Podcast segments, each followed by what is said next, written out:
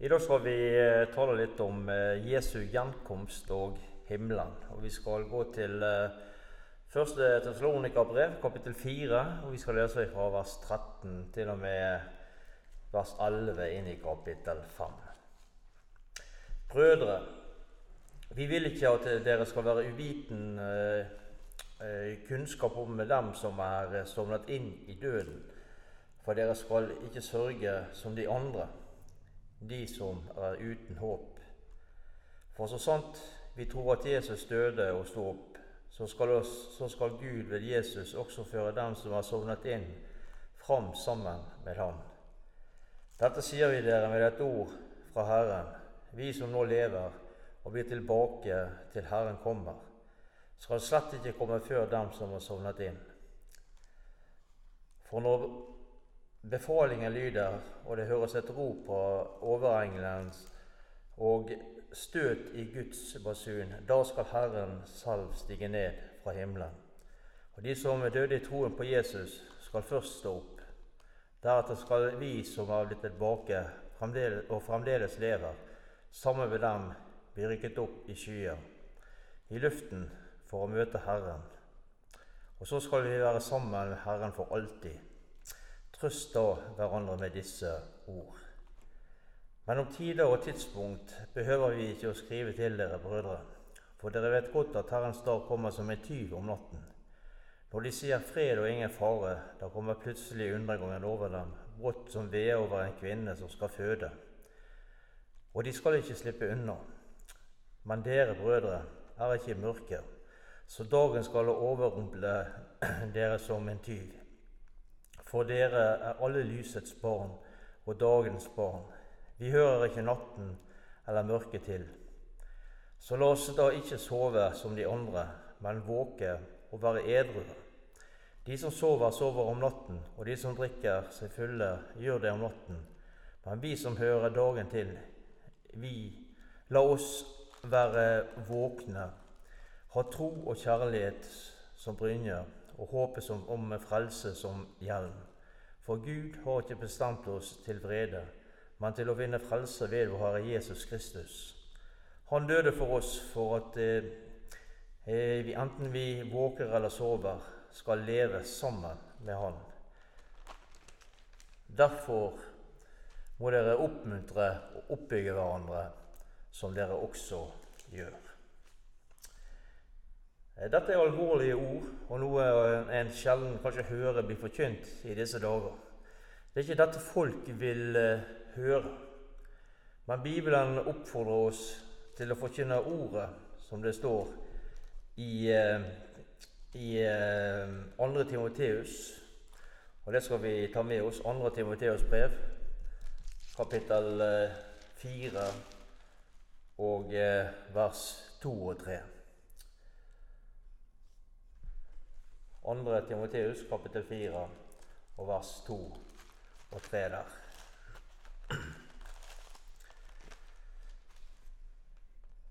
Forkynn ordet, stå klar i tide og utide, overbevis, ta strengt, tal trøst.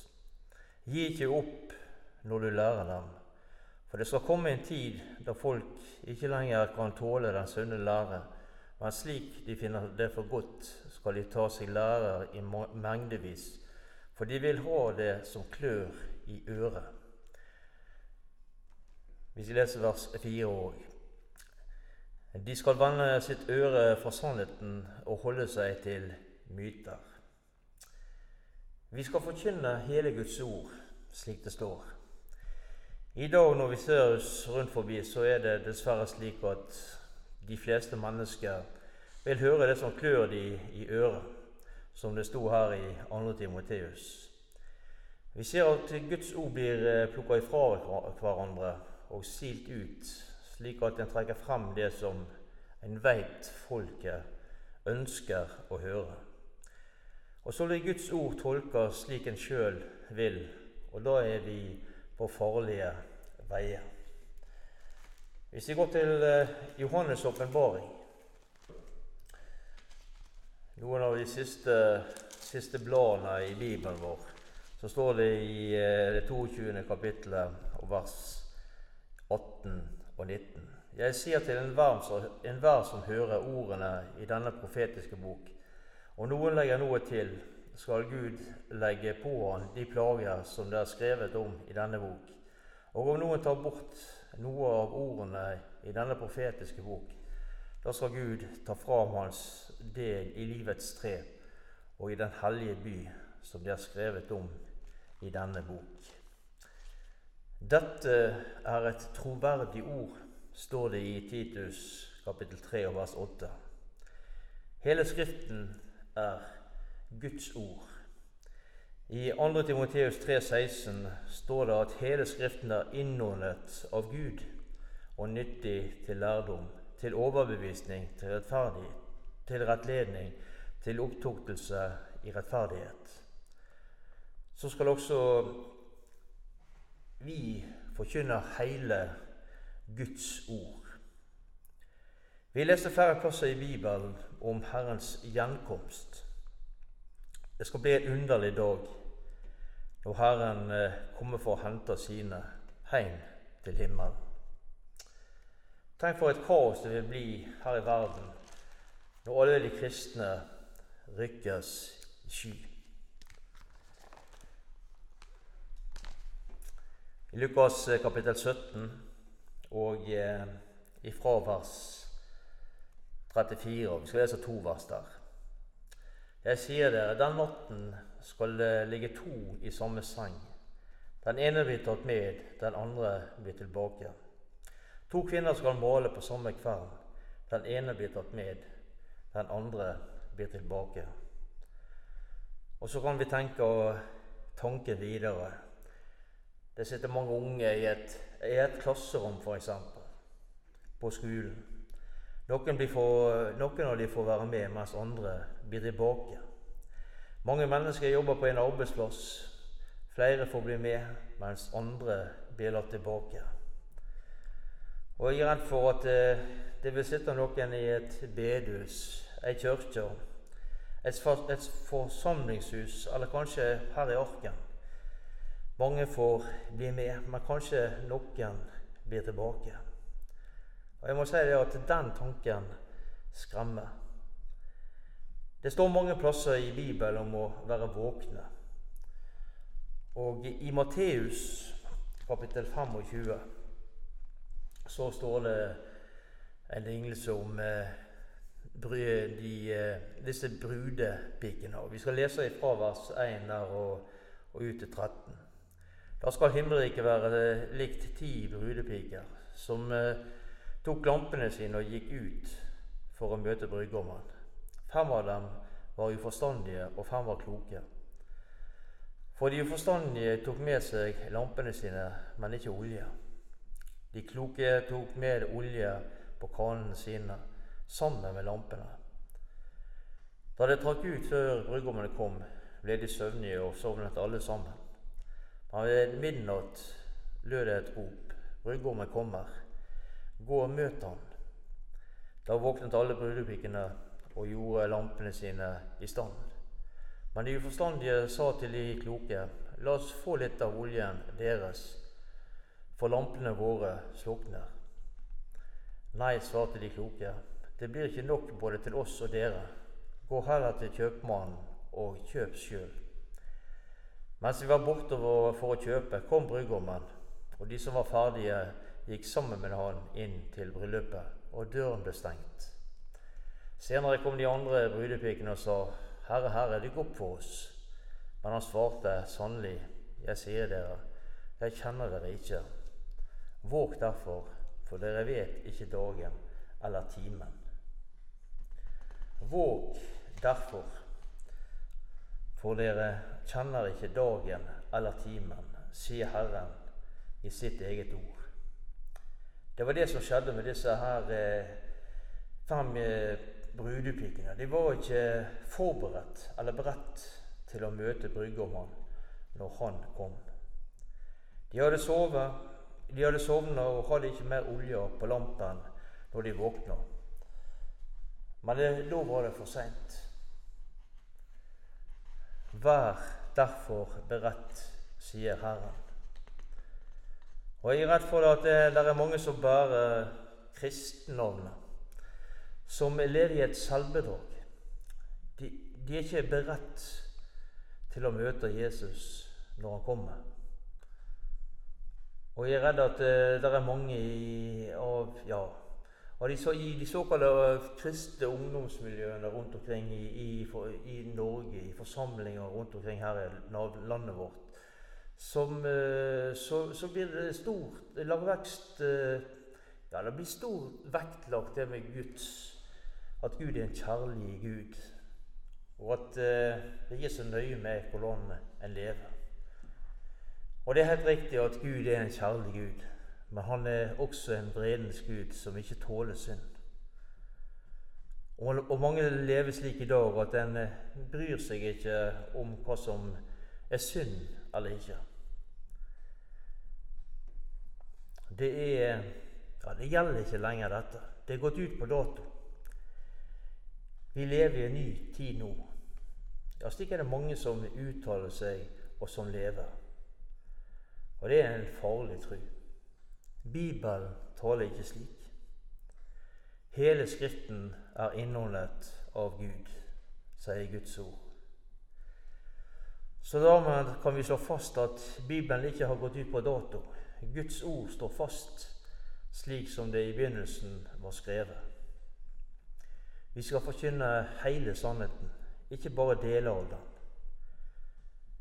Dette med Jesu gjenkomst det kan skremme oss litt, det. Burde ikke gjøre det, men fordi det, fordi det er jo dette som er forløsningen for oss kristne. Men når vi er inne på dette, så er det også svært viktig for meg å, å si at vi ikke skal dømme eller fordømme våre medmennesker. Det er det Gud som tar seg av. Men det er viktig at vi forkynner hele Guds ord slik det står. Nå skal jeg stille deg et spørsmål. Du trenger ikke svare til meg, men du kan svare innenfor deg Gud. Er du klar til å møte Jesus? Hvis Jesus kom igjen i dag, hadde du fått vært med da? Hadde du fått, har du fått denne reisekledningen på? Er du beredt til å møte Jesus? I en sang eh, lyder det slik om i morgen var det dagen da Jesus ville komme tilbake, ville du da velge å leve i morgen som du lever i dag? Hvis du ikke kan svare ja på, på disse spørsmålene, ja, da har du et alvorlig problem. Det var det som disse opplevde fem eh, brudepikene fikk eh, oppleve om at eh, ja, som, det, som vi leste, sannelig, sannelig sier jeg dere, jeg kjenner dere ikke. For å bruke dette bildet Det nytter ikke å komme til Flesland og du skal av gårde med fly hvis du ikke har billett for for å bruke dette bildet. Da blir du avvist. Da får du ikke være med. Har du ikke gyldig billett, så vil gaten stenge, og, du vil stå igjen når flyet går. Og skal du til himmelen, så må du ha gyldig billett. Det nytter ikke å komme inn eh, komme med noen kopi eller eh, forfalska billett.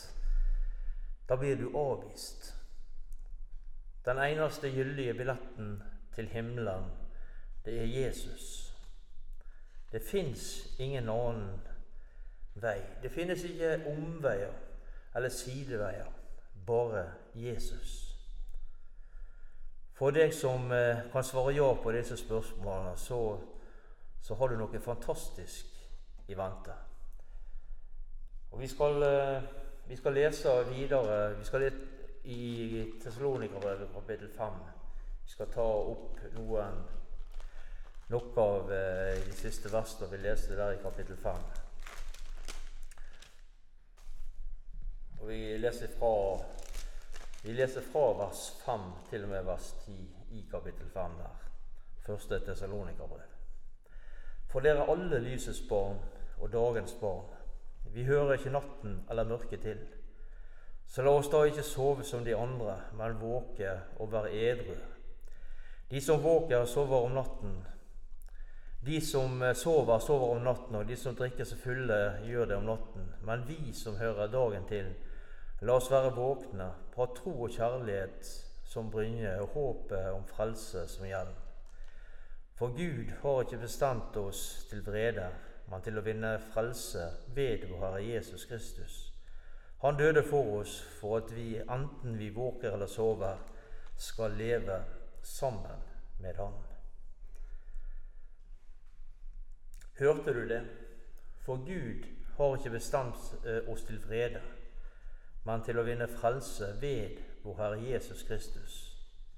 Han døde for oss for at vi, enten vi våker eller sover, skal leve sammen med Han. Det er, det er et fantastisk eh, vers å, å, ta med seg. Det er det som vi nå leste nå i, eh, i Tessalonika-brevet. Vi skal lese her i, eh, i Johannes 5, og det er et kjent vers som er ofte sitert sitert. Vers 24.: Sannelig, sannelig, jeg sier dere, den som hører mine ord og tror på Han som har sendt meg, han har evig liv og kommer ikke for dommen, men har gått over fra døden og til livet. Når vi leser dette verset her, så ser vi at vi har begynt på evighetsvandringen. I Kolosserbrevet 3,24 står det:" For dere vet at Herren skal gi dere sin arv som lønn. Vi kan si at vi har fått en forsmak på denne arven. En forsmak. Og eh, i Filipparet kapittel 3, i eh, vers 20 og 21 der, så leser vi Men vi har vår borgerrett i himmelen og Derfor venter vi Herren Jesus Kristus som frelser. Han skal forvandle vårt svake og forgjengelige legeme, så det blir likt med det legeme han har i herligheten. For han har makt til å underlegge seg alt. Vårt hjemland er i himmelen. Er ikke det fantastisk å se fram mot? Tenk over det og se fram mot det fantastiske du har i vente. Det er slik at eh, tanken ikke vår klarer ikke å, å fatte dette. Paulus han beskriver at Han fikk oppleve å bli rykka inn i paradis. Det skal, vi, eh, det skal vi lese litt om i, i Korinterbrevet. Det står det, i, det står det om i andre Korinterbrev kapittel 12, og vi skal lese fra vers 1. Jeg må altså skryte av meg selv, enda det ikke tjener til noe. Jeg kommer nå til, å, til de syner og åpenbaringer jeg har fått fra Herren. Jeg vet om et menneske i Kristus som for 14 år siden ble rykket opp i, det, i den tredje himmel. Om han var i legeme eller utenfor legeme, vet jeg ikke. Gud vet det. Men jeg vet at denne mannen ble rykket inn i paradis. Om han var i legeme eller utenfor legeme, vet jeg ikke. Gud vet det.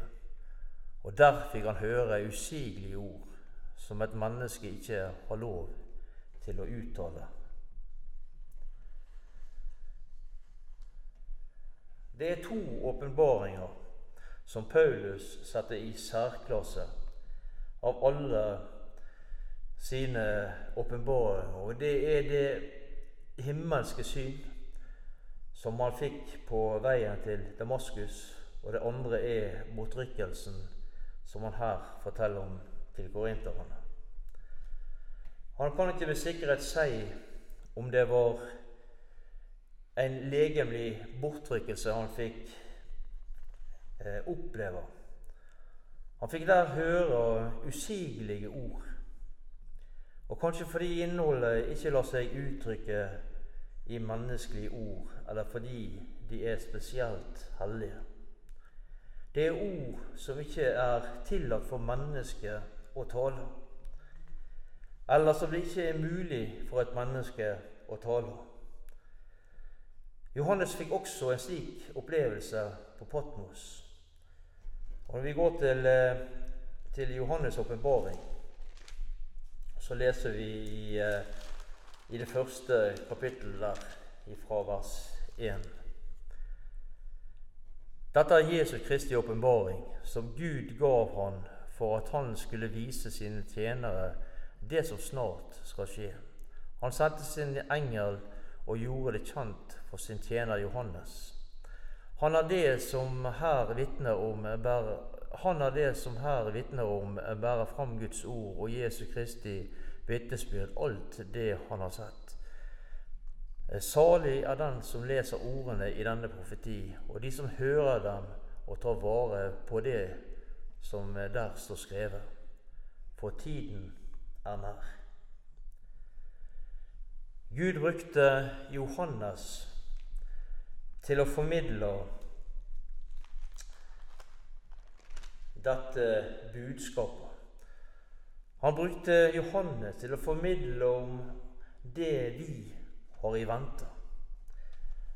Og eh, vi går videre til Johannes' åpenbaring igjen. Vi skal gå litt lenger bak.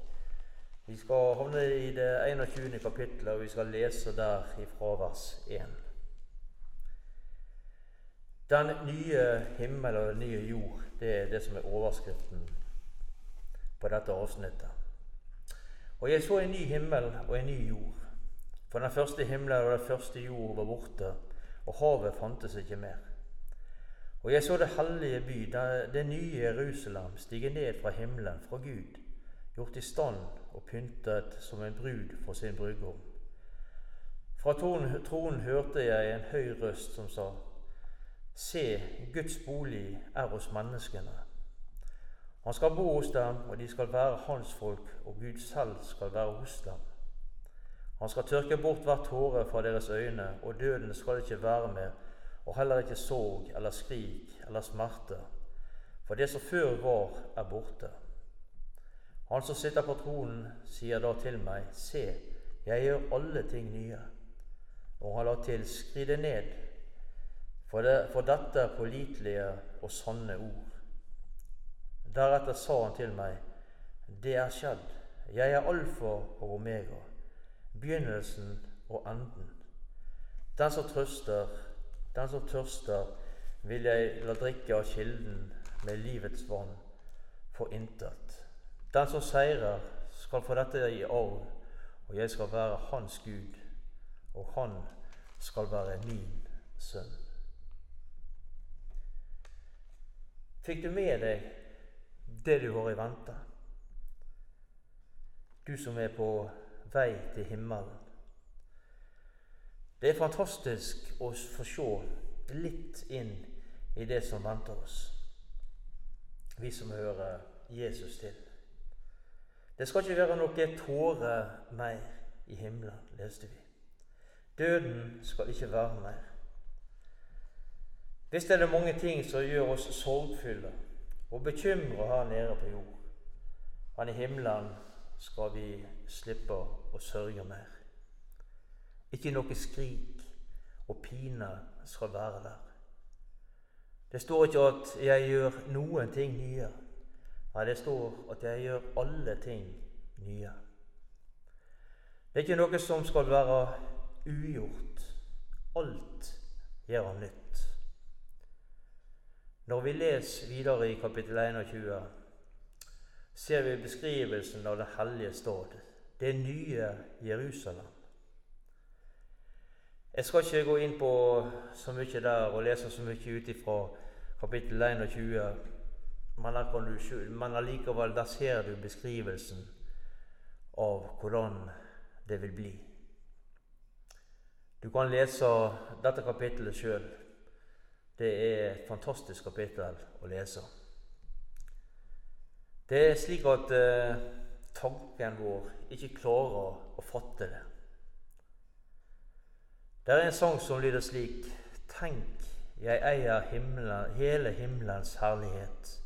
Mer enn mitt hjerte her forstår og vet. Tenk et kongebarn med arverett hos Gud. Takke tonene jeg synger ut. Han er min, ja, han er min. Intet frykter jeg for evig, han er min. Og når bryllupet i himmelen skal stå, skal jeg brudekronen av han få.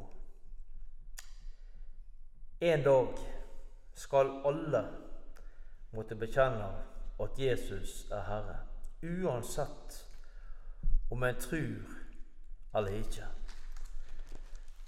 Og Vi skal lese i, fra Filippabrevet kapittel 2 igjen. og Vi skal gå til eh, ja, Vi skal lese vers 9 og til og med 11.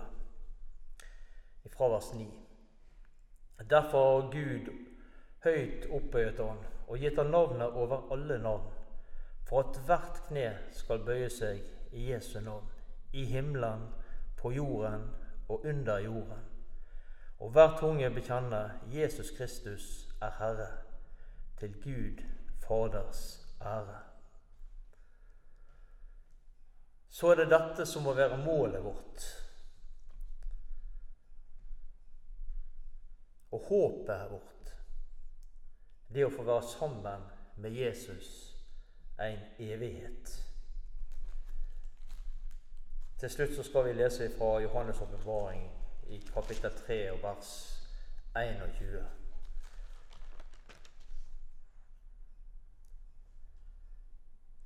Den som seirer, han vil jeg la sitte sammen med meg på min trone, liksom jeg selv har seiret og satt meg med min far på hans trone.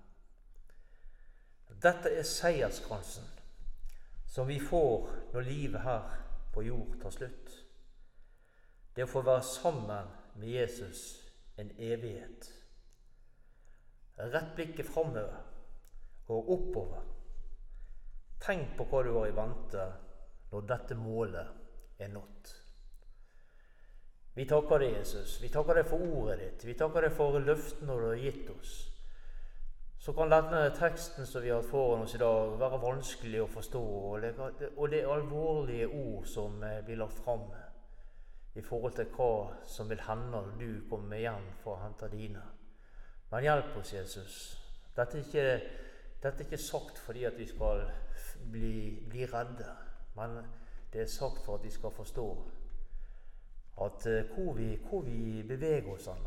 Hvor, hvor, er vi henne på veien? Er vi med, eller er vi ikke? Får vi være med når Jesus kommer hjem, eller ikke?